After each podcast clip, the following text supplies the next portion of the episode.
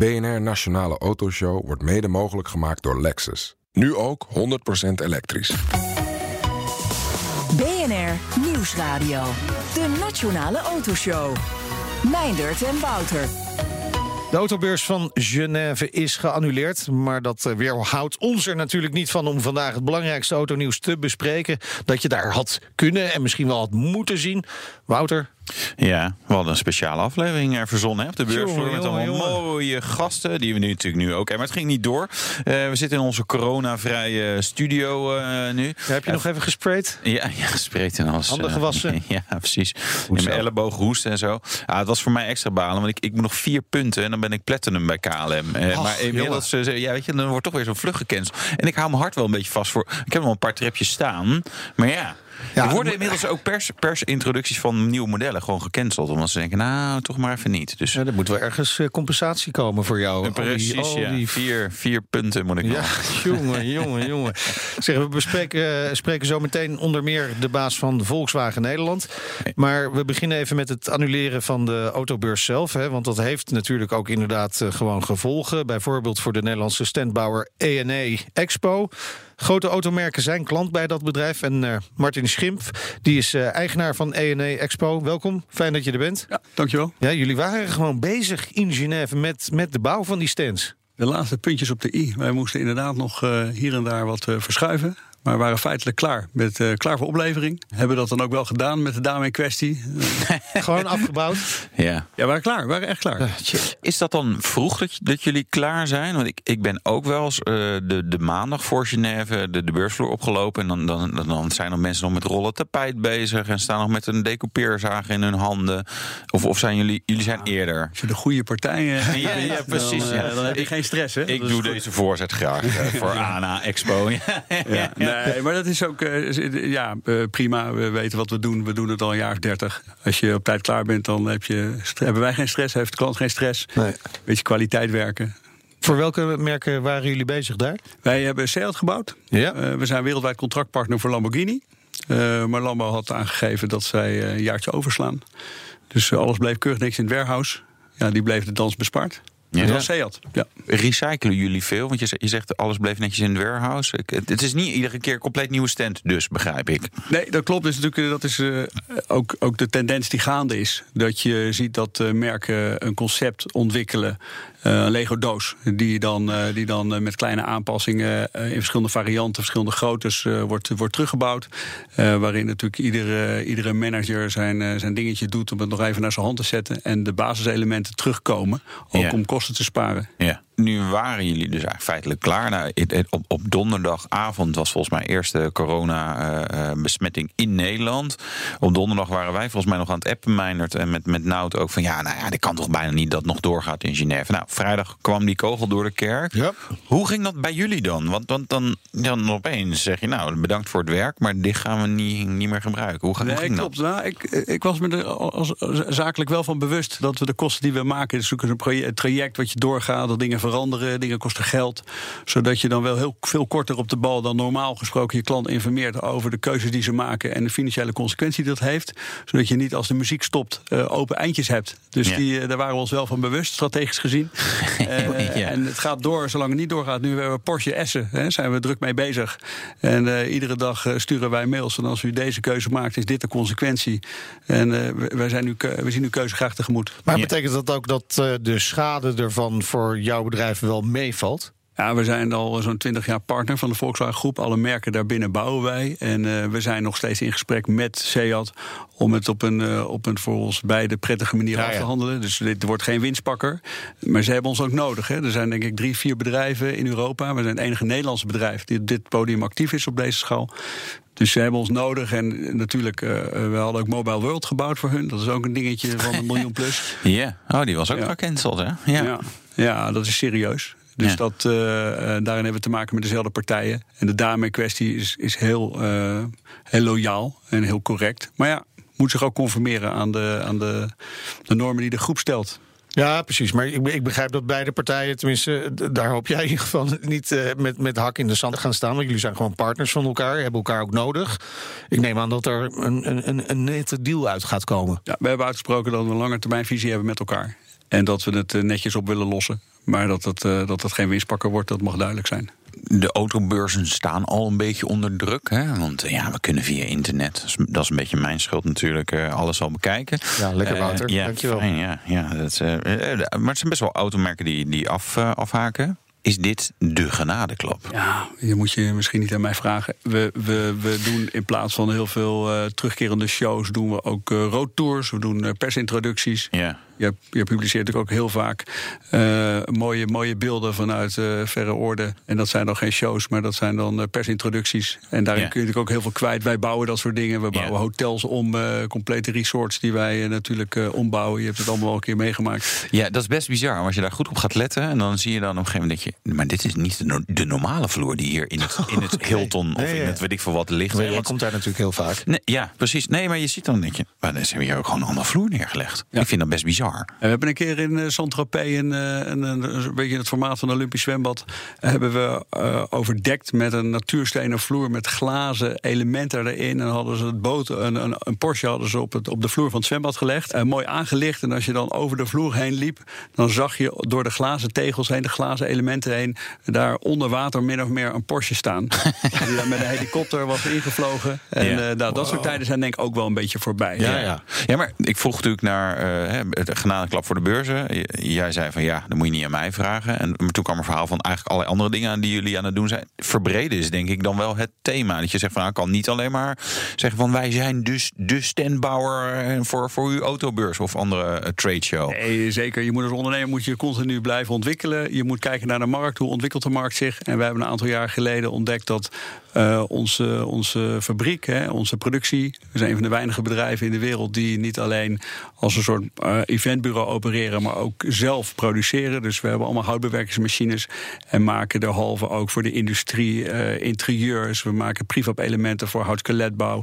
Wij doen meer dan dat. Ja, en ik denk dat, dat is wel allemaal saai, hè, als je dat soort dingen moet doen, vergeleken met, met een gave stand ergens bouwen. Zeker.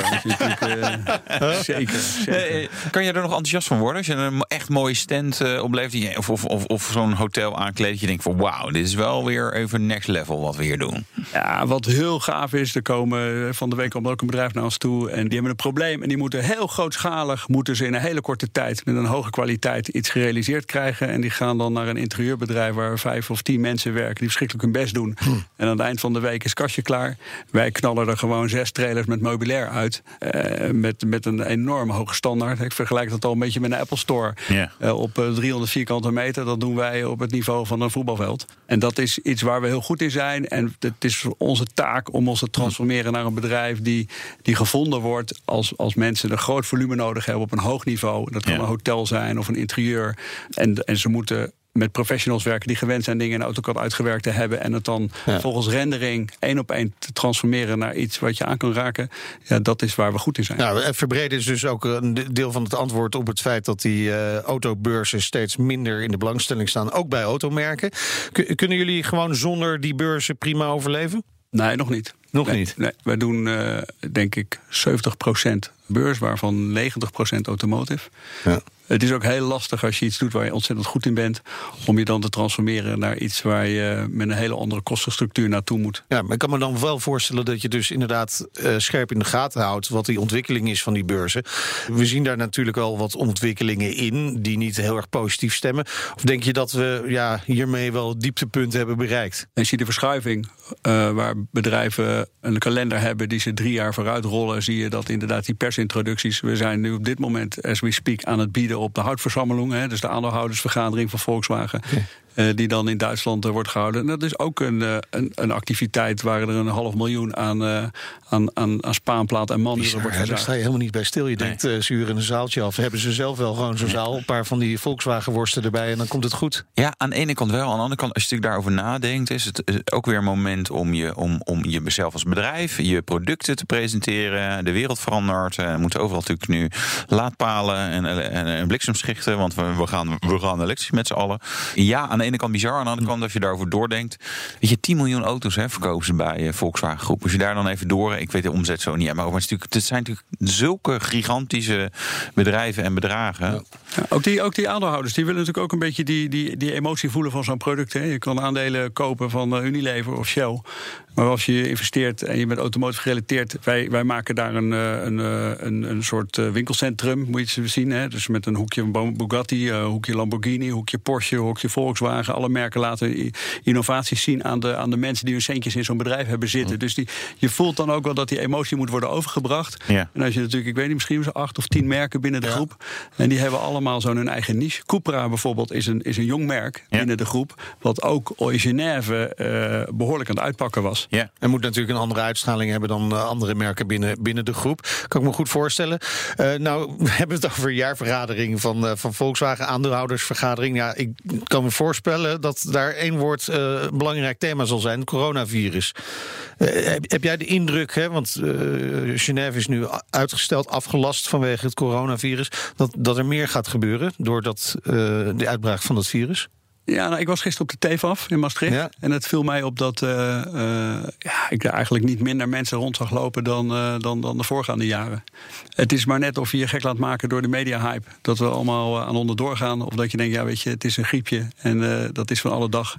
En het wijft wel weer over. En maar gewoon goed je handen wassen, toch? Even uitkijken wie een hand geeft. Ja, dat je sowieso wel verstandig. Ja, we doen een elleboogbox of even met de voeten, tegen elkaar. voeten, ja, Gewoon de voeten tegen elkaar. Ja, Zijn we ook gewend om die eh, rechtervoet goed in te drukken? Ja, nou ja, als Amsterdammer begint er Ja, eh, dat wordt wat moeilijker minder hier. voor. wordt ja, steeds moeilijker hier. Gaat ook de rest van het land. Dankjewel, Martin Schimpf. Hij is eigenaar van ANA Expo. De Nationale Autoshow. Het was natuurlijk de bedoeling dat Volkswagen deze week eh, flink zou uitpakken in Genève met de nieuwe Golf-varianten.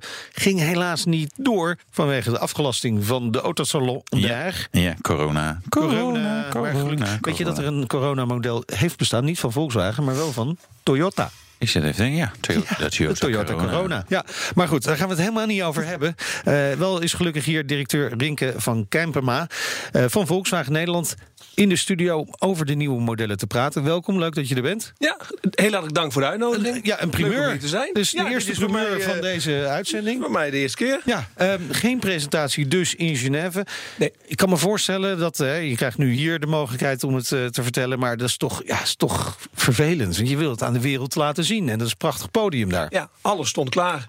En ik moet ook zeggen, eh Genève is toch ook wel de show waarvan ik zeg... lekker compact, iedereen komt er. Je kunt ook heel efficiënt mensen ontmoeten, auto's bekijken... en na een dag ben je ook klaar. En dat is nu helaas eh, Ja. niet doorgegaan. Ja. Maar gelukkig hebben we alternatieven gevonden... om alsnog ons nieuws te kunnen presenteren op een dan wel digitale manier. En nu gelukkig ook bij jullie de kans om een Ja. een en ander toch toe te kunnen lichten. Maar dat is natuurlijk wel heel erg interessant wat je zegt. Een digitale manier, daarvan zeggen heel veel mensen... ja, misschien is dat gewoon eigenlijk wel gewoon de toekomst. Hebben we zo'n autobeurs eigenlijk nog wel nodig? Hè? Laten we zeggen dat wij het allemaal heel erg leuk vinden. dus graag, hou vol.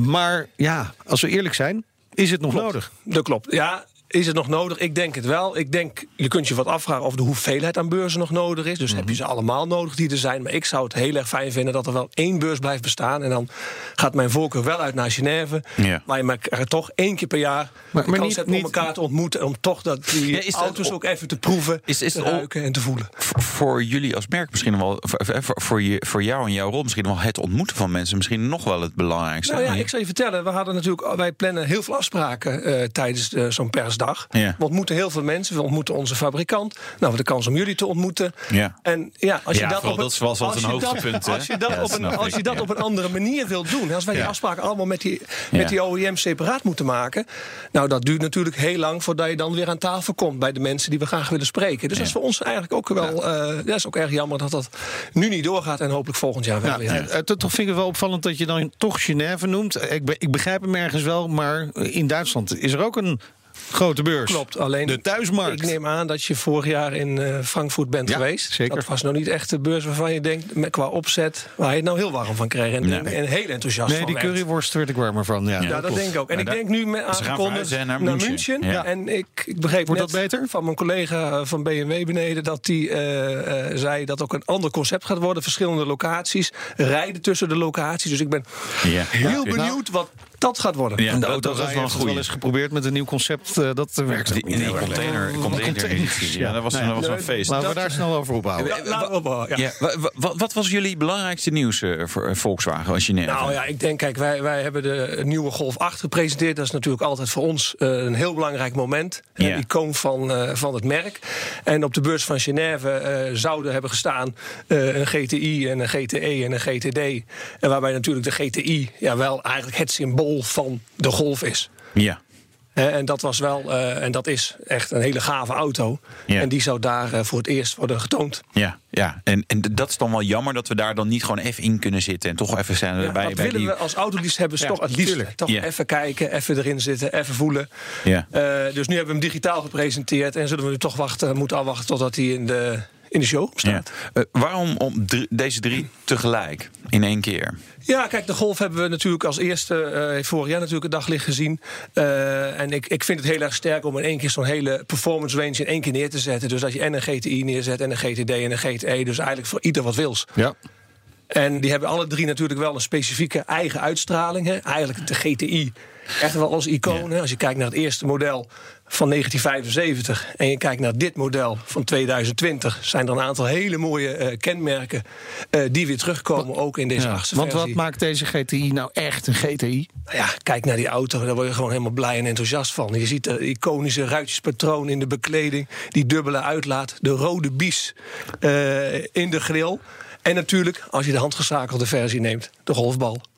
Ja? En dat in vergelijking, ga je dan terug naar ja. 1975, Ja, maar goed. dan denk je van ja, daar staat toch echt dat, weer. dat zijn de uiterlijke kenmerken. Tuurlijk, dat is belangrijk. En precies wat jij nu wil zeggen, 245 pk. Juist. En dat is toch weer 15 meer dan de uitlopende versie. En Precies. En pk's zijn belangrijk, Meinert. Hoe meer, hoe beter. Hoe meer, hoe beter.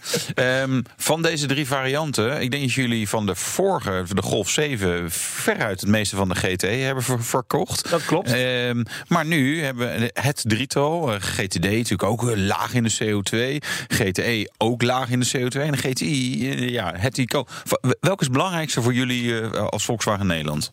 Ja, kijk, we hebben natuurlijk van de vorige versie van de GTE heel veel verkocht. Het jaar Ja. 2015, hoef ik jullie niet te vertellen. De fiscale stimulans op eh, de plugins. Ja. Ehm, nou, als je nu gaat kijken, dan denk ik, schat ik zo in... eh, als je het over, even over percentages hebt... dat zo'n GTI rond de 3, 4 procent eh, gaat verkopen... en de GTE rond de, rond de 5 procent. Alleen, dat is natuurlijk heel erg afhankelijk van fiscale stimulans. Ja. Nu zitten we op vol elektrisch. Maar het is natuurlijk niet ondenkbaar... dat er in de toekomst ook weer een stimulans op eh, plug-in komt. Ja. En Of hopen moet jullie dat? Is dit de wens, de vader van de gedachte nou, hier? ik weet niet. Daarnaast, en dat vind ik ook wel belangrijk om te zeggen, zie je ook bij de grote bedrijven toch ook wel een, een, een verandering van mindset, om het zo maar even te zeggen. Het is niet alleen maar meer die fiscale stimulans. Het is ook welke CO2-footprint. Geef ik af. Ja. En je ziet bij die grote bedrijven ook wel in het merkenbeleid en in de keuze van de motoren dat ook plug-ins wel weer gestimuleerd worden om die CO2 naar beneden te krijgen. Hè? Want Ja. bij die GTE heb je toch over gemiddeld eh, eh, 32 gram CO2-uitstoot. Ja. En dat is natuurlijk bijzonder laag. Ja, ik denk wel dat dat eh, zo blijft zolang het economisch goed blijft gaan. Op het moment dat eh, de, de, de, de euro's weer gaan tellen, dat ze gewoon kijken van eh, wat kost het me het minst. Ja, en dat is natuurlijk lastig inschatten wat daar in de toekomst gaat Ja. gebeuren. Maar dat is altijd een afweging natuurlijk. Ja. Elektrische golf die keert dan weer niet terug. Nee, daarvoor hebben we De ID3. de ID3. De ID3. Ja, ID3. ID3. ID3. ID3. ID3. ID3. Ja. Maak er wat Eh, moois best jammer, denk ik, dat de e-golf niet terugkeert. Maar dit is eh, succesvol. Ja, we hebben er vorig jaar toch zo'n dikke 3000 eh, van weten te verkopen. Ja. Eh, maar als je die dan weer vergelijkt met een echte elektrische auto... die vanaf het begin af aan, vanaf het platform af aan... het MEB-platform echt ontwikkeld is. Als een elektrische auto zie je ook wel weer... dat zo'n auto er ook weer heel anders uitziet. Ik denk, hè, als je hem ziet, groot van binnen, ander, hè, andere wielbasis. Een elektrische auto vergt natuurlijk een ander platform. Ja. En Ja. dat is wat anders dan een huidig derivaat veranderen in een Ja. elektrische auto. Ja. ja, maar dat is de strategie eigenlijk van Volkswagen. Zeg, nou, we hebben het eh, MEB-platform, eh, m- eh, modulaire elektronische bouwkasten. Ja, weet in feite, je kunt hem steeds aanpassen. Kun je van allerlei andere Ja. koetsen opzetten. Ja, Klopt. Ja, ja, dus dat, dat, dat is de keuze die jullie hebben gemaakt. Dat is En de keuze. Ja, En en daarbij hoort van ja, geen, geen elektrische golf En daar hoort geen elektrische golf, maar wel ook in de golf wel de derivaten die er dan overblijven. Ja, maar, maar, maar die, die ID3 die is er nog niet. Het is nog steeds wachten op die ID3. Ontstaat er niet op een gegeven moment een gat tussen de elektrische Golf en de ID3? Ja, dat weet ik niet. Kijk, wat In wij hebben dan, gezegd. eh, de fabriek is begonnen met bouwen al vorig jaar in november. En november 2019 is de productie gestart van de ID3. Ja. En eh, we houden nog steeds vast aan wat we altijd hebben gecommuniceerd. Uitlevering in de zomer eh, van dit jaar, zomer van 2020. Ja. Zullen we de ID3's gaan Ja, maar door, uitleveren. door global warming verschuift de zomer wel richting de winter. En, maar of niet? Het valt, valt wel mee. Nou het is even wachten of die, of die schepen allemaal op tijd aankomen natuurlijk. eh, Met, Ja, eh, ik weet niet in hoeverre het corona-effect gaat hebben. Nee, ja, maar we gaan er vooralsnog kunnen vanuit dat, 2000, Ja. eh, dat de zomer van 2020 dat we gaan ja, starten met de maar ik, uitlevering. ik begrijp ook dat de programmeurs nog wel even werk eh, eh, ja, zoals het is met Want software. De, de software, daar zijn problemen mee. Klopt dat? De auto's worden gebouwd, die krijgen een softwarestand mee. En zoals het met software is, voordat ze worden uitgeleverd, wat ik al zei in de zomer van 2020, zal de laatste stand van de software eh, op de auto's gespeeld worden. Ja. En dan eh, gaan die auto's met de nieuwste softwarestand uitgeleverd worden. Ja. Verwacht geen problemen dus. Ik verwacht geen probleem. Nee. Ik verwacht dat in de zomer. In de zomer starten gaan we gewoon met los. De uitlevering. Ja, Ehm, voor meestal is het zo als je, als je zeg maar een product geleverd krijgt, dus dat, dat er dan een, een er zit een proces voor, namelijk bestellen en, en betalen. Maar betalen is wel lastig nu, want we, we weten nog geen prijzen van de ID Free. Wel een beetje richtprijzen, Dat dus klopt. je kan zeggen. Dat dus- klopt. dus ja, maak maar Gewoon een leuk bedrag over. Ja, joh, doe iets. Nee, Nee, ja, we hebben, wij, waar zijn wachten we natuurlijk, nog op? wij, zijn, Ja. wij zijn natuurlijk gestart met een eh pre-booking. Dat was voor ons ook nieuw. En ik, ja, voor jullie zijn ook een zeer tevreden man. We hebben duizenden van deze auto's al gepreboekt. Mensen Ja. hebben een aanbetaling gedaan. Zo, eh, zodra het kan en we alle gegevens hebben, Ja. eh, zullen toch- we de, de pre-booking omzetten bestellen. Ik, ik kan me voor, weet nog wel van de Passat GTE. Dat was echt letterlijk één A4'tje van. En dan stond ik, ik Schut of uit de kasser. Committeer mij aan het bestellen van een Passat GTE. We weten de specs nog niet en nog niet. dat was ongeveer. Maar dat was- de, de voorloper. We hebben dat nu nog wat meer verfijnd. Ja. Ja, verfijnd. En daar zijn we mee, eh, daar zijn we mee gestart. maar En, wel eh, duizenden. eh, wel, wel, wel- Ja, dat loopt maar goed. goed, Dat de- loopt- ja, ik zeer tevreden. Ik heb Maar dus, de- auto ook zelf mogen rijden al. Het is echt een fantastische auto. Dus ik denk het zou, dat gek zijn als je dat niet zou zeggen, maar oké. Nee, dat klopt, maar ik wil het toch nog even zeggen. Ja, begrijp ik. Maar wanneer komt die prijs dan wel? Wij zullen, eh, eh, zodra het kan, zullen wij eh, die prijs bekendmaken. Wij zijn nu nog druk bezig eh, om de laatste puntjes op de i te zetten. Ja, maar zo kan- we weten het wel, kan, met de, ik kan wel een richting aangeven... dat Ja. de, de, de first editions, en dat is de speciale editie die als eerste gaat komen... Ja. die zullen een prijs hebben van rond eh 38.000 euro. Hele complete auto, Ja. ook met een actieradius van de WLTP van 420 kilometer. En dat is de, de, de middelste Ja, accu die wij 24 aanbieden in deze WLTP, dat auto. ronden we af. We moeten dit gesprek ook afronden, maar Ja. ronden we af Ja, naar... Nou, het de- hangt van je rijstijl af. Ja. Als je rijdt zoals je hoort te rijden in een elektrische auto, dat is toch heel anders dan in een eh, conventionele auto. Ja. Kun je een hele een komen? vrachtwagen aanhangen. Kun je een hele, nee, dat zeg ik niet. Nee, maar, ja, maar goed, ik heb Pikes Peak dingen gezien van Volkswagen IDR en weet ik veel. Dus ik, ik, hè, er zit ook een soort stimulans op om wel een beetje door te vlammen. Maar we moeten Nou ja, afronden. we moeten afronden. moeten afronden, want de, we- de, de Porsche Taycan gereden, dus eh, Ja. ik denk, eh, je weet hoe dat... Ja, ja, ja, ja, ja. Als het een beetje op lijkt, dan wordt het wel gunstig. Maar, Ik denk eh, het wel. Zeg, die, die eh, introductie eh, van de ID3, die, die, die krijgen we dus. Hè, dat, dat, eh, Die komt er eh, binnenkort aan. ID4 is aangekondigd. Ja, hebben we ook, en dat was ook een highlight van, eh van Genève. Hebben we nog niet eens over gehad. Dat is de tijd toch helaas te kort. De Ja. ID4, dat is de eerste elektrische SUV van Volkswagen. Eh, en ik heb de stille hoop, en dat is ook mijn taak... waar ik veel in Wolfsburg ben om te vragen... dat we, ik hoop dat we dit jaar nog een aantal van die ID4's in Nederland mogen zien. Kijk aan. Nou, we gaan nu de afspraak maken dat we je binnenkort nog een keer gaan spreken. Uitgebreid ook over die ID4. Heel graag. Dankjewel. Rinke van Kijmpema, directeur van Volkswagen Nederland. En zometeen. De topvrouw van BMW Group Nederland over de concept i4. En je hoort een stuk van The Road to Zandvoort. Ja, Jawel. blijven luisteren dus. Zeker blijven luisteren. De BNR Nationale Autoshow wordt mede mogelijk gemaakt door Lexus. Nu ook 100% elektrisch. BNR Nieuwsradio. De Nationale Autoshow. Meindert en Wouter. Straks The Road to Zandvoort, de podcast waarin we de terugkeer van de Formule 1 naar Nederland volgen. Ja, deze week openen Max Verstappen het vernieuwde circuit Zandvoort.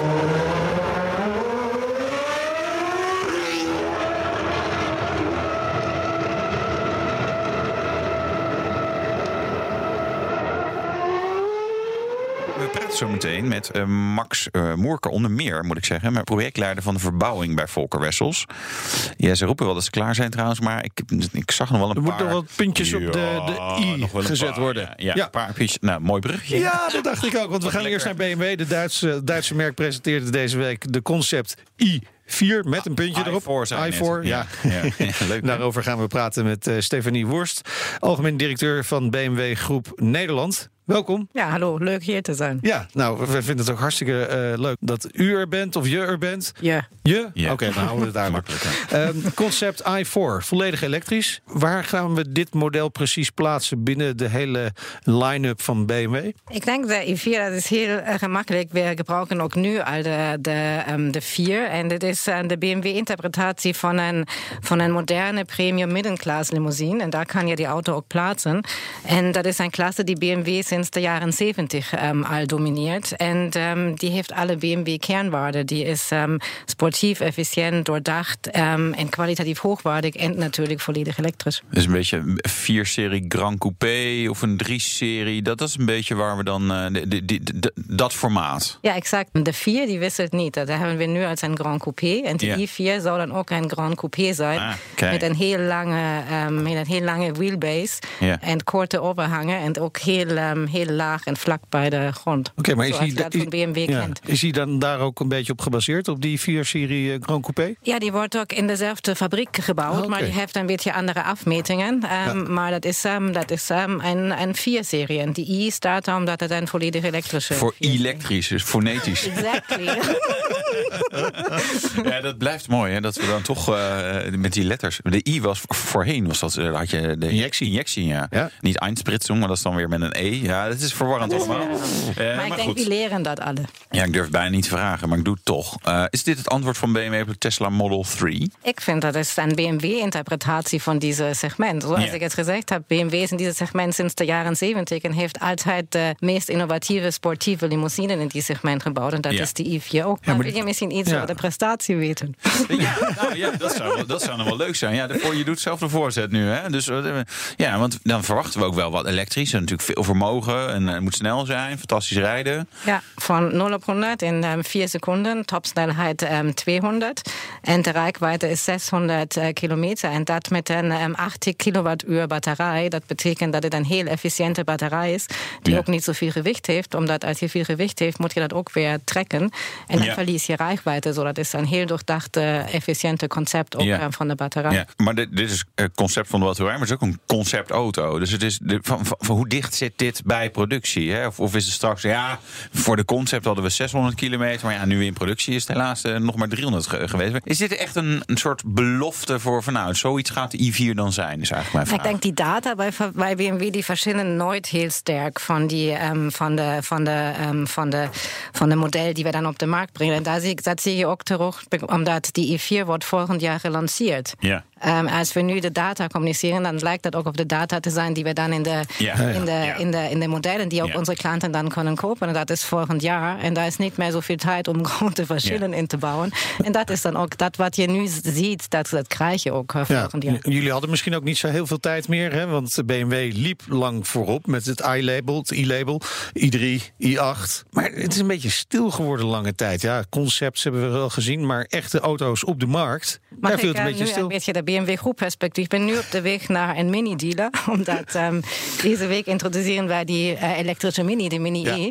En dat heeft al gisteren begonnen en dat gaat uh, de hele week. En natuurlijk dan ook de weken die naar komen. En ik verheug me echt op, op die auto, omdat dat is een auto voor de stad. Um, ook met een heel laagte zwartwaterpunkt. En die batterij helpt bij deze. Ja. En zo een heel mini-matige rijgevoel. En, um, en morgen ben ik ook bij een dealer. Dan hebben we dat. Dat vind ik niet zo stil. En uh, ik verwacht Nee, ook dat um, ieder vijfde, elekt- eh, ieder vijfde mini dit jaar die we verkopen zal een elektrische mini zijn. Daar zie je ook van de cijfers dat het um, niet zo stil is Ja. van de elektrische auto's. Nee, oké. en dat- dit jaar bij BMW hebben we de iX3. Nee, dus er komt wat, er is wat met, eh, met, met de Mini. eh, maar, maar het heeft toch wel een paar jaar geduurd voor ook Mini daarmee kwam. Ik denk um, dat het nu de juiste tijdpunt is, ook als je internationaal kijkt. Nu heb je die, um, die EU-grenswaarde en nu is de tijdpunt waar we um, heel sterk de elektrische auto's nodig hebben. En als je naar de plug-in hybride komt, ik vind de plug-in hybride maken ook op dit moment zo'n comeback um, van de techniek, maar ook Ja. in de markt naar de, met de vraag. En als Ja. je dat alles gezamenlijk neemt, dan hebben we 25 elektrische auto's tot 2023. Ik vind dat niet stil op dit moment. We hebben de Mini, die komt nu, deze weekend. We hebben de Ja. iX3, die komt um, ook, uh, hoop ik, dit jaar. Hoop uh, ja. ja, Ja, maar weet je wat nu in, de, in de wereld gebeurt op dit moment? Daar kan je niet meer zo goed plannen. Maar ik hoop dat wij dit um, dit jaar nog krijgen. Ja, maar hij wordt in, die wordt in China gebouwd, hè? ja, en daarom is het, om, eh, die wordt in China gebouwd. Maar natuurlijk met heel veel kwaliteitsmaatregelen die we ook in ieder Ja, maar het gaat me niet zozeer om die kwaliteit. Het gaat me meer om eh, vertraging, van ja. het vertraging in verband met het coronavirus. Ja. Hè? Want niet alleen fabrieken hebben stilgelegen of liggen nog altijd stil. Maar ook de scheepvaart eh, hier naartoe is een lastig ik, verhaal. Ik hoop dat wij die precies, dit jaar ja. nog krijgen. En dat we ook een heeft al- heb je al signalen in die richting dat dat allemaal weer op gang aan het komen is? Die fabriek um, heeft ook op weer, weer gestart, eh, twee weken geleden of zo. En ik heb er nog geen indicatie dat die te laat komen. En ik hoop het ook niet. Zo, um, we hebben heel veel besteld, ook van Nederland. Ja. Um, zoals voor de mini-electric ook. En um, let's uh, cross our fingers. Ja, zeker. Je zei iets anders interessants. eh, We zien de vraag ook weer voor plug-in hybrids eh, opkomen. Dan denk ik, echt? Waar, waar komt die vraag dan vandaan? Want Niet wij- vanuit Nederland, Nee, denk nee, ik. nee, nou, nou, nee ja, ik wilde juist wel op Nederland. Want wij hebben natuurlijk plug-in hybrids met, met de voordeel. Fantastisch, wilde iedereen zo'n eh, zo'n zo'n auto hebben. Zien jullie echt oprecht weer dat mensen zeggen... nou ja, toch, eh, ik vind het wel leuk, stekkeren. Ja, we hebben drie keer zoveel plug-in hybrids gepland als uh, afgelopen jaar, 2019. En um, daar zijn verschillende redenen. Ik denk nog steeds dan als je in die in elektrificatie instapt, dat het voor viele mensen nog steeds een heel goede oplossing is. Dan kan je veel kilometer rijden en in de stad volledig elektrisch. En um, heb je geen, geen file. Um, also kan je nog steeds uh, met, twee, met twee aandrijfslijnen rekenen. Um, en uh, die andere is dat uh, je hebt ook, als je over een wagenpark spreekt, heb je nog steeds een voordeel met je grenswaarden. Omdat Ja. die zijn duidelijk lager. En we hebben nog echt, echt iets nieuws in onze, in onze um, PHEV-fleet. Bijvoorbeeld, um, we hebben een e-drive zone. Dat betekent, de mensen rijden in een stad binnen. Bijvoorbeeld um, in uh, Rotterdam of andere grote steden in um, Ja. Nederland. En dan Er praat zijn de auto, te noemen, ja. praat de auto met de stad. Dat is toch leuk? Dan wordt de auto een onderdeel van een systeem. Ja, ja. En die praat met de stad, die rijdt binnen en schakelt automatisch in een elektrische, in een elektrische mode. Ja. En dat is ook de eind van de politische discussie. Rijden de PHEV-rijder volledig met um, de elektrische aandrijfslijn. En als je de juiste techniek heeft en de juiste incentivering, dan gebeurt dat. Rotterdam is ook een beetje proeftuin, geloof ik, voor BMW. Ja, we, voor dat dat, soort. eh, eh, eind 2018, zit ik even te denken. We de proef gedaan, hebben we toen meegedaan, inderdaad. In een, en dat was wel grappig. Het irritante was, ik woonde net buiten de zon. Dus dan elke keer, weet je, om de snelweg op te gaan, moest ik even net door de zon. Dus dan heel die zone nu wordt een beetje groter. Oh, Oké, dat is goed. Ja, er rijden veel, veel BMW's in mijn wijk. Dus ik zei al, van, ja, volgens mij moet je, moeten jullie mijn wijkje er gewoon eh, bij pakken. Maar eh, eh, nee, het idee was wel grappig. En het werkte bij mij. Er zit natuurlijk een soort gamification achter. Hè? Want dan moet je, je moet punten scoren en vaak laden. En eh, Morning Champion was er geloof ik volgens mij. nou, Nou, en je mist wat airmiles, dus je had wat punten nodig. Ja, we waren precies, ja. in dezelfde groep, maar we kennen elkaar nog niet. Ik Nee. heb ook meegedaan. Ja, nee, nee, nee, dat was, dat, dat- dat was, het werkt. Het voor, ik kan me voorstellen voor andere mensen niet werkt. Hè, maar voor mij dat ik dacht, ja, ik ga het wel gewoon proberen. Weet je, ik wil wel gewoon dan ook echt zoveel mogelijk elektrisch rijden. Oké, toch maar even terug naar die i4, want dat was i4. toch het belangrijkste nieuws. Ja. Nou ja, de 330e Touring hebben we hem genoemd. Dus eh het Ook- ook, ook- mensen ook- ook, weer ja, blij. nee, precies. Ja. We hebben over plug-in hybride gesproken. Die hebben we ook nu ook in een Touring. Een heel nou ja. belangrijke Ah, oké. bodytype. Kijk. Ja. Maar Ja. over de i4 gesproken. Um, Ja. De i4 is ook um, wat wij... eh, Dat is een heel belangrijke um, auto voor onze strategie van Power of Choice. Dat betekent dat wij in ieder bodytype ieder aandrijfslijn kunnen bieden. Omdat wij zeggen onze klanten niet... jullie moeten deze aandrijfslijn of deze rijden. Maar we willen ieder bodytype eh, aanbieden met ieder aandrijfslijn. En dat hangt af van de behoefte, van de leeftijd... of de mensen kinderen hebben waar ze wonen, et cetera, et cetera. En dat is um, onze grote strategische beleid. En die i4 en de iX3 die voldoen perfect aan die, aan die beleid. Ja. En bodytype, ieder Ja, aandrijfslijn. ja, en ze willen het ook wel laten zien. eh, als je kijkt naar de, de, de grill van de i4. Poeh, Ja, maar als een ik- joekel. ja, is rood, is rood. Maar so als ik, als ik zei, ähm, wer- was altijd unser Streven, de innovatiefste Auto in, zijn, in, de, in dat eh, segment, dat is een middenklasse limousine aan te bieden. En dat is nu met een heel grote ähm, verticale nieren. Maar Ja. dat is in de geschiedenis van BMW ook gebeurd. Als je naar heel iconische modellen Ja, kijkt, dat al gebeurt. Ja.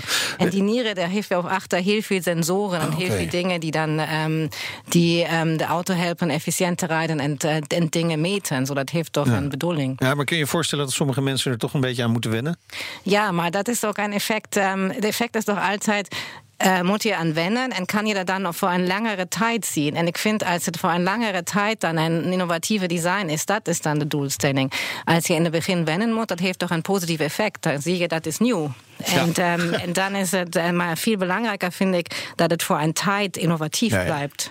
Dat is natuurlijk wel. Je moet een beetje de bakens verzetten. En dan, als het meteen goed op het oog valt, dan Ja. is het over een jaar ook weer saai, hè? Nee, dat, dat is zeker waar. Dat heb je ook wel is vaker wel- gezien. Als het op het begin een beetje pijn doet, dan, Ja, dan- dan- is dan het daarna Maar wel sommige tijden heb je continuatie en in Ja. sommige tijden heb je een beetje ähm, innovatie en revolutie. En dat is nu met de i4 gebeurd. Het is wel het segment elektrische auto waar ik wel een beetje op zit te wachten. Ik ben echt enorm fan van de BMW 3-serie, maar ook van het formaat auto. Ja. Zeg maar sportsedan-achtig. En ik wil ook andere merken noemen. Alfa, Giulia vind ik bijvoorbeeld ook fantastisch. 156 ooit gehad. Maar, en dus als ik dan denk van ja, elektrisch, met een goede range, leuke prestaties, fijn rijdend. Maar dan ga ik nu En goede proberen... je- ook. goede Ja, Ja, maar, Ja. dan ga ik nu proberen jou er toch van af te halen. Let op.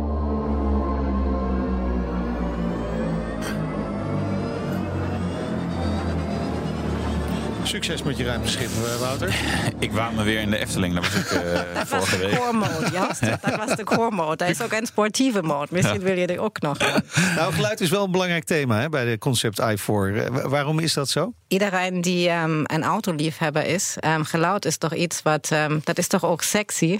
Zeker, Ehm, ja, absoluut. en Zullen wij als vind, radiomakers zeker beamen? Ja, en ik vind dat je ook de geluid opnieuw moet um, uh, ontwikkelen bij een elektrische auto. En dat is daar met die samenwerking met Hans Zimmer gelukt. gelukt. Dat is een Duitser, maar die is heel bekend in Hollywood met Pirates of the Caribbean. Die doet filmmuziek. Ja, we, hebben ook van hem eh, wat, wat geluid. Ik waan me nog steeds in de Efteling. hoor. En, en, en nu, val, nu val je met je, met je in vogelrok val je dan zo naar beneden met die, eh, met die achtbaan. Ja, Het, is wel futuri- het geeft wel een bepaalde sfeer. Dat is dan wel weer leuk, hè? Maar ga- ja, ik weet niet. ik moet er wel erg aan wennen hoor. Maar Ja. misschien is dat alleen maar goed. Ja, maar je bent Waar, waar- ja, maar- waarom past dit geluid dan zo goed bij Ja, BMW? de, de, de core mode die is een beetje rust. En die sportieve mode die hebben we nog niet gehoord. Nee. Die is een beetje meer zoals een Warp, zoals een Star Wars. Oké. En ik vind, Ah, daar kan je ook, cool bij de i8 is dat misschien ook zo. Daar heb je niet alleen, dat is niet leise, maar dat is ook zo'n mode, dat is zo'n een beetje zo'n ghost, die zweeft zo een beetje. En dan heb je, ik vind het altijd heel futuristisch. Daar kan je met futurisme en ook met kracht spelen. En die sportieve mode, die heeft dat beide. En zoals ik gezegd heb, de design Ja. is heel belangrijk. Als je in de binnenruimte bent, daar hebben we ook nog niet over gesproken. De touch is heel belangrijk. Maar ook de geluid. De geluid maakt, een heel, eh, maakt heel veel, draagt heel veel naar een indruk van een Ja, auto. dan, dan wil ik graag voorstellen dat als hij op de markt is, dat we daar nog een keer over gaan praten. Als we hem ook daadwerkelijk een keer hebben gereden. W- wanneer komt hij, als we het toch over de toekomst hebben? Wanneer komt hij op de markt? Eh, die i4 komt volgend jaar. Volgend jaar. En eh, in de tussentijd de plug-in hybrides en de iX3. En een mini-electric. En een mini-electric. dit Die weekend. is. Dit weekend. Ja, een leuke auto. Wat minder range, maar ah, joh, weet je. Ah, wie heeft het nog over range Ja, tegenwoordig? zo'n goede laadinfrastructuur in Nederland. Ja. Ehm, en Nederland is toch een klein land. Zo is dat. ik denk, die is voldoende. Hartelijk dank, Stephanie Worst, algemeen directeur van BMW Group Nederland. The Road to Zandvoort. Nog 58 dagen en dan racen de Formule 1-auto's op circuit Zandvoort. De Road to Zandvoort volgt de terugkeer en alle voorbereidingen op de Dutch Grand Prix. En vandaag de gast, Wouter. Ja, Max Moerke, projectleider verbouwing van circuit Zandvoort namens KWS Infra. Eh, en Marloes Peters, eh, adviseur arbeidsmarkt, communicatie en recruitment bij Volker Wessels. Eh, welkom. Ik dacht al, waarom volgt KWS mij opeens op Twitter? Maar nou begrijp ik het. ja. Ja, dat is het dus. Ja, Dat ja, heel erachter. goed gedaan. Eh, ja, normaal gaan, gaan dames voor, maar we beginnen, beginnen toch bij Max. Nou, want dat is omdat eh, Max die andere Max Oh. ook al eh, zijn rondjes heeft gedaan. Want ja, de woensdag opende Verstappen het vernieuwde circuit Zandvoort. Ja, fantastisch om te zien. Heel ja, ik, wilde vragen, hoe was dat? Maar jij begint, dat was dus fantastisch. Ja, het was een fantastisch evenement. Ja. En, eh, we konden daar gelukkig ook met onze medewerkers zijn die het eh, hele circuit verbouwd hebben. Dus het was voor ons dubbelfeest. Aan de ene kant met de sponsoren en aan de andere kant met onze eigen medewerkers. Ja, dat was een fenomenaal event en ja, prachtig genieten met elkaar. Ja. Ja. Eh, eh, Zijn jullie echt helemaal klaar? Het circuit is helemaal klaar. Er zijn nog wel wat omliggende werkzaamheden die moeten gebeuren. Maar die hebben voor, de, Zoals? voor het gebruik van het circuit uiteindelijk eh, geen, geen eh, gevolgen. Wat zijn die omliggende werkzaamheden die nog moeten Eh, gebeuren? er moeten nog wat tijdelijke tribuneplaatsen worden gemaakt. Er moeten nog een aantal schelpenpaden worden gemaakt. De tunnels waren bijna klaar, maar met name de looppaden naar de tunnels toe, die moeten nog gereed worden gemaakt. Dat soort dingen. Ja, maar niet, eh, niet echt, echt grote werk. Nee, nee, Dat- nee. nee, dat het, is gewoon echt nee, wel, het, het eh, grote werk is, is helemaal gereed. Ja, hoe lang zijn jullie uiteindelijk bezig geweest ermee? Want het is best wel snel gegaan, volgens mij. Als je het hebt over de bouwtijd, dan is het een eh, maand of drie. We zijn uiteindelijk 4 november begonnen met eerst slopen en toen bouwen. En uiteindelijk zijn we er vanaf april afgelopen jaar mee bezig geweest. Dus de voorbereiding is een goed half jaar. En uiteindelijk de, de, de echte executies maar drie maanden. Ja. Meer voorbereiding dan, eh, dan echt eh, schop in de grond. Is, is dat normaal voor een bouwproject? Ja, dat denk ik wel. Eh, als je gewoon kijkt naar alle grotere werken, die vragen veel voorbereiding om Ja. het tot in de puntjes eh, strak te zetten met elkaar. Dat was ook hier nodig, omdat je echt zit met die hele harde, harde deadline. En je weet dat je in weersgevoelige eh, tijden gaat eh, verbouwen. Dus ja, dan heb je alle, alle voorbereiding nodig. maar dat is wel, dat is wel grappig. Je denkt natuurlijk bij bouwbedrijven, dat zijn stoere mannen die buiten in weer en wind staan. Maar jullie zitten gewoon achter een computer, zeg maar, driekwart van de tijd. Soms wel, soms doen. wel. Ja, ja, ja, soms wel. Ja, ja, ja. maar ehm, jullie hebben wel echt mazzel gehad met het weer. Want eh, dankzij global warming hebben we geen winters meer. We hebben, we hebben geen echte vorst gehad. Want dat had wel consequenties kunnen hebben, denk Ja, ik zo. Over de oorzaak van het mooie weer kan ik natuurlijk geen uitspraken doen. Nee. Nou ja, maar mooi weer, geluk- mooi weer. Het was vooral warm. Onszelf gelukkig prijzen dat het, eh, ja, de tijd van het jaar zat mee. Dat klopt. Ja. Ja. Ja, daar hebben we ook gewoon. eh, op een gegeven moment heb je daar geluk mee dat het goed valt. En eh, de periode is nog steeds heel kritisch geweest. Ook de temperaturen waarmee we hebben gewerkt zijn heel kritisch geweest.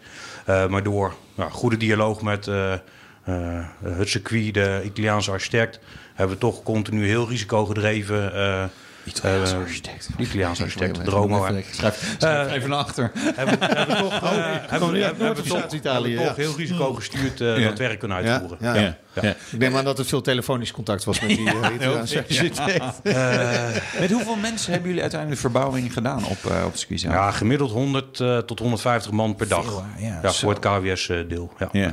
ja, dat is echt wel veel. Hoe, hoe liep het, de verbouwing? En nu zegt u ook Als "Wauw, een zonnetje. klaar, Als een zonnetje. Ja. Vast niet alles als een zonnetje. Mm, nou, uiteindelijk zijn er een aantal uitdagingen in het eh, project geweest. Dat is onder andere de, de tunnels en het maken van de tunnels. Die zijn namelijk eh, eh, ontzettend kritisch in de tijd geweest. Dat was in beginsel ook wel de, even de vertragende factor. Maar uiteindelijk als we, als we die opleiding bekijken... dan is eigenlijk alles gewoon heel goed gelopen zonder echte tegenslagen. Dat je die tunnels noemt. Ik zou hebben verwacht dat die kombochten eh, Ja, een grotere uitdaging zouden Uiteindelijk zijn. zijn ze qua techniek zijn de kombochten vele malen moeilijker eh, te maken dan de tunnels. Alleen eh, de tunnels zijn allemaal prefab, dus je moest allemaal een aantal maanden van tevoren Ja, besteld worden. En met name die leverantietijd was eh, kritisch in de doorloop. Ja. Uiteindelijk eh, kun je Die die had wel goed gemeten, dat je niet... eh, Ja, oh, kom ja. een metertje tekort. Metertje De extra. baan wordt, Metertje wordt iets smaller. ja. Ja, maar dat, dat heeft dus te maken dat je daar niet heel veel invloed op hebt eh, uiteindelijk. Nee, nee, je kunt uiteindelijk met de, eh, eh, op de kombocht, daar zitten al je eigen materieelstukken, je eigen materialen zitten erin. Daar kun je veel meer stuur op zetten. Je invloed is er vele malen hoger om eh, het eindproduct eh, te halen. En uiteindelijk ben je eh, met die eh, tunnelstof van een eh, leverancier afhankelijk. Eh, wel een hele goede partner, dus die laat ons echt niet in de steek. Maar uiteindelijk is dat qua doorlooptijd en bouwtijd eh, wel een, een kritische factor Zo geweest. nog even verder op die kombochten. Maar eh, je, je zei net dat we best wel met kritische temperaturen hebben gewerkt. Ja. Wa- Waarom was dat belangrijk? Want Bij welke temperatuur had je niet meer kunnen werken dan? Dat is echt afhankelijk van een aantal dingen. Het is niet alleen temperatuur, is ook windsnelheid, regen of geen Nee, regen. het heeft hard Eh, gewaaid. Ja, het heeft hard gewaaid. Uiteindelijk zou je idealiter eh, deze deklaag eh, halverwege mei of juni willen aanbrengen vanwege hogere omgevingstemperaturen. Het gaat echt om het asfalt dus. Ja, echt het asfalt. Ja. En uiteindelijk hebben we eh, dat niet kunnen eh, bereiken qua weersomstandigheden. Maar hebben we wel eh, alle trucken uit de kast getrokken om het eh, toch te doen. Ja. Ja. Wat, wat zijn die trucken? Daar ben ik heel benieuwd naar. Ja, ik kan niet over alle trucuitspraken doen. Nee, dat ga ik ook maar- niet doen. En een aantal eh nou, trucken. eh, heel goed opleiden van het personeel, het materieel. Heel goed opleiden van onze logistieke keten. Dus van asfaltcentrale naar het circuit. Heel kort op de verwerkingstijd zitten. En heel kritisch zijn op eh, de temperatuur van het mengsel op het moment dat je hem krijgt.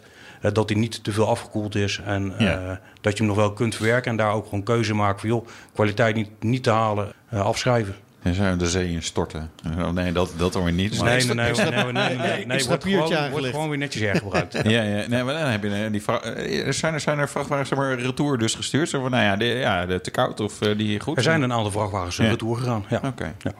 Ja, snap ik wel. Maar dat is dus in mei, als het gewoon lekker eh 20 graden is, of ik weet niet hoe Dan is die kans kleiner, maar dan Ja. is die ook aanwezig. Het heeft niet alleen met temperatuur te maken, ook met eh, progressie op de baan zelf, op de dag zelf. Ja. Loopt die hele asfalttrein lekker door, ja of nee? Ja. Eh, dat is ook van invloed op uiteindelijk de, eh, uiteindelijke Het is gewoon een vak, hè? Dat Het is echt, het is echt een vak. Nou ja, en, en, dan ja. denk ik zeker Ja, in die ja. kombochten. hè, Want je, je zegt net al, die kombochten waren wel een uitdaging, maar hadden we zelf Ja. in de hand. Ja. Maar, maar ligt daar ook een ander soort asfalt in die bochten? Eh, ja en nee. Eh, aan, eh, als je de, de onderlagen zijn in principe standaard asfaltmengsels. Ja. Wel een KWS eigen mengsel. Die wat stabieler is. En uiteindelijk is de deklaag is een custom-made eh, voor Zandvoort gemaakte eh, samenstelling door Dromo. Heet ook de Flying Dutch. Dat is gewoon uniek in de wereld. Uniek in de wereld. Ja. Wauw. En wat maakt het die laag zo speciaal? En daar Mag mag, ik helaas niet over zeggen. ik, ik voelde me al aankomen. Ja, dat is jammer. Maar kunnen, kunnen andere mensen dat wel bestellen? Als ik zeg van nou, ik wil op mijn oprit eh, van de speciale leuk de. Flying Dutch, eh, een stukje Flying Flying Dutch. Hebben liggen. Als jullie eh, naar Dromo bellen en het circuit, dan is er ongetwijfeld eh, aan een, eh, aan een eh, me- mengselsamenstelling te komen. Maar, zij, zij, zij zijn eigenaar van dat eh, mengsel. Eh, Dromo heeft de eh, Dromo en het circuit. En hoe dat precies zit, Nee, oké. eh, dat weet ik niet. Maar die hebben ergens de rechten op dat mengsel. Ja. Interessant man. Dat zou je, niet ver- zou je bijna niet verwachten. Dat, dat, maar dat, het gaat dus ver. in Die, zin. Die kombocht, hoe, hoe moeilijk was dat verder? Want ja, het gaat altijd over de kombocht bij ons. Hè? Dus, eh, is dat Welke in- kombocht bedoel je? T3 of T14? Eh, Ik denk De dat Hugenholz T14... of eh, de Luijendijk? Ja, eh, Luijendijk, denk ik, die is steiler uiteindelijk. Ja, ik weet niet, zat er, zat er veel verschil tussen die... eh, Ja, er zit een heel groot verschil tussen beide kombochten. De T3, de Hugols, die is eh, veel korter qua draaicirkel, maar heeft qua hellingspercentage bijna hetzelfde als de Arie Luijendijk-bocht. Ja. De Arie Luijendijk-bocht is veel langer, eh, Ja. heeft bijna hetzelfde hellingspercentage als bocht 3. Eh, die was qua asfalteren makkelijker dan bocht 3, omdat de draai zo kort is. Dus uiteindelijk moet je Ja. eh, dat asfalt compleet in één gang aanbrengen. En om dan met alle machines die hele korte draai te kunnen maken, dat was de uitdaging. ja. Onder dat hellingspercentage van 32 procent. Ja. Ja, en ik, heb, ik heb een tijd lang zitten bedenken hoe ik dat nou uit kan beelden, maar dat is lastig. Dat is ongeveer de scherm van je laptop iets naar achteren geduwd. Dat is Ja. 32 procent. Oké. Dus, ja, dus dat is redelijk stijl. Maar ik kan me voorstellen met zo'n grote machine... Iedereen heeft natuurlijk wel eens op, op, op, op, hè, op de A4 of zo... ook wel eens hè, asfalteerwerkzaamheden gezien. Ja. En, ja, Ja. Dat, ja die, die moet dan in een draai en schuin en in Ja. één keer... Dus daar kan ik me wel iets bij voorstellen. Wat ik me dan wel weer afvraag... Hugenholz bot altijd al wel een beetje daar zo omhoog. Eh, best wel wat slijtage op het asfalt, best wel wat gladder. Ik kan me voorstellen dat dat nu ook kritischer wordt in een... Ja, het, is, het ligt wat steiler, er komt wat... wat, wat heeft dat effect? Zeg maar zo'n zo'n kombocht, gaat er, gaan we, kan het circuit al, al eh, de volgende asfalteerlaag eh, gaan inplannen? Hoe, eh, hoe werkt dat? Die verwachting heb ik niet. Eh, En daar zit uiteindelijk ook het eh, element van Dromo eh, in. Die hebben een aantal circuits op de wereld eh, eh, gedimensioneerd en ontworpen en gemaakt. Ja. Eh, en eh, die hebben de ervaring dat dit type asfalt goed bestand is tegen de kombochten waar ze in gelegd zijn. Dank voor nu. Max Moerke, eh, projectleider verbouwing circuit Zandvoort namens KWS Infra. En eh Marloes Peters, adviseur arbeidsmarkt, communicatie en recruitment bij Volker Wessels. En dit gesprek gaat verder in de podcast The Road to Zandvoort. Die vind je natuurlijk terug in de BNR-app, in Apple Podcast of Spotify... of via onze eigen website bnr.nl. Ga jij inschrijven, Wouter? Ja, ik ga me inschrijven. Maar waarvoor? Daar, ja, dan moet je toch even doorluisteren Ja. in eh, Road to Zandvoort. Dus Ik ben Meijnerd Schut. ik ben Wouter Karsen. Dit was de Nationale Autoshow. Tot volgende week. De BNR Nationale Autoshow wordt mede mogelijk gemaakt door Lexus. Nu ook 100% elektrisch.